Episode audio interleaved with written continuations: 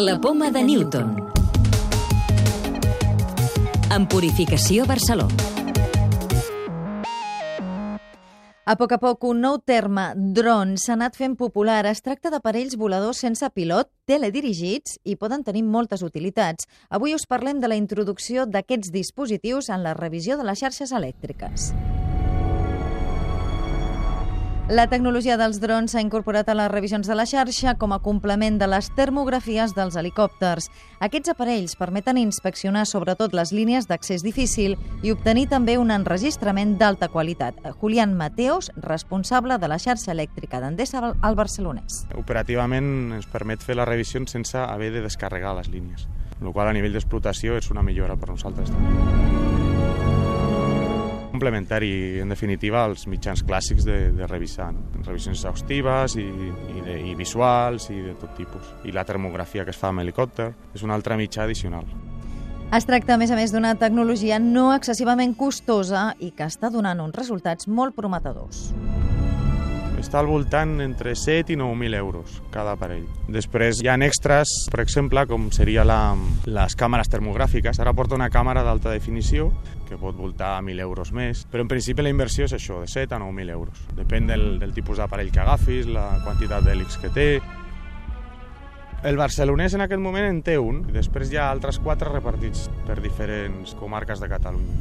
Permet satisfer necessitats també específiques, no només les revisions i fins i tot ens ajuda a nivell de tala i esporga per verificar dimensions de, de passadissos, de, de les línies i, i estar més segurs amb això. Portem ja diverses revisions amb ells i bueno, el que dèiem, el resultat de moment és, és molt satisfactori. A més, et deixa com a document una, una filmació en alta definició amb els detalls que pots repassar després eh, a voluntat.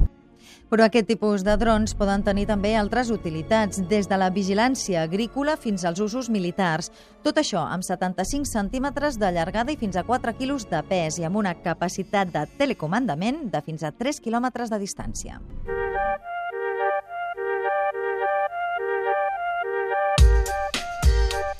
També recollim que investigadors de les universitats de Granada i Màlaga han aconseguit administrar fàrmacs contra el càncer de mama amb nanocàpsules. Aquestes estructures minúscules són selectives, és a dir, porten el medicament directament fins a les cèl·lules cancerígenes.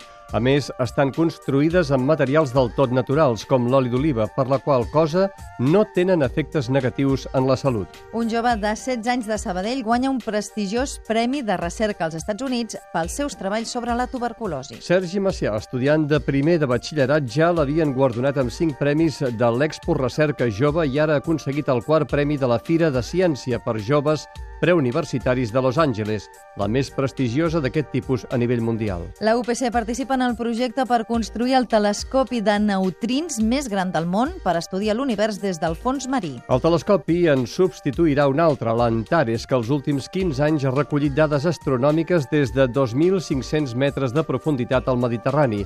Serà la segona infraestructura més gran realitzada fins ara després de la Gran Muralla Xinesa. La clau de volta perquè la majoria d'animals de l'Àrtic són de grans dimensions. Sònia Gartinuño, de l'àrea de Ciència i Medi Ambient de l'obra social La Caixa. Un animal pequeño pierde mucho más calor que uno grande. Por este motivo, una de las estrategias que utilizan es aumentar mucho su tamaño. En el agua la pérdida de calor es muy alta, ya que su capacidad conductora es mayor que la del aire. Y entonces animales como mamíferos marinos del Ártico, como la ballena azul o la ballena de Groenlandia o la orca, son, son muy grandes por este motivo.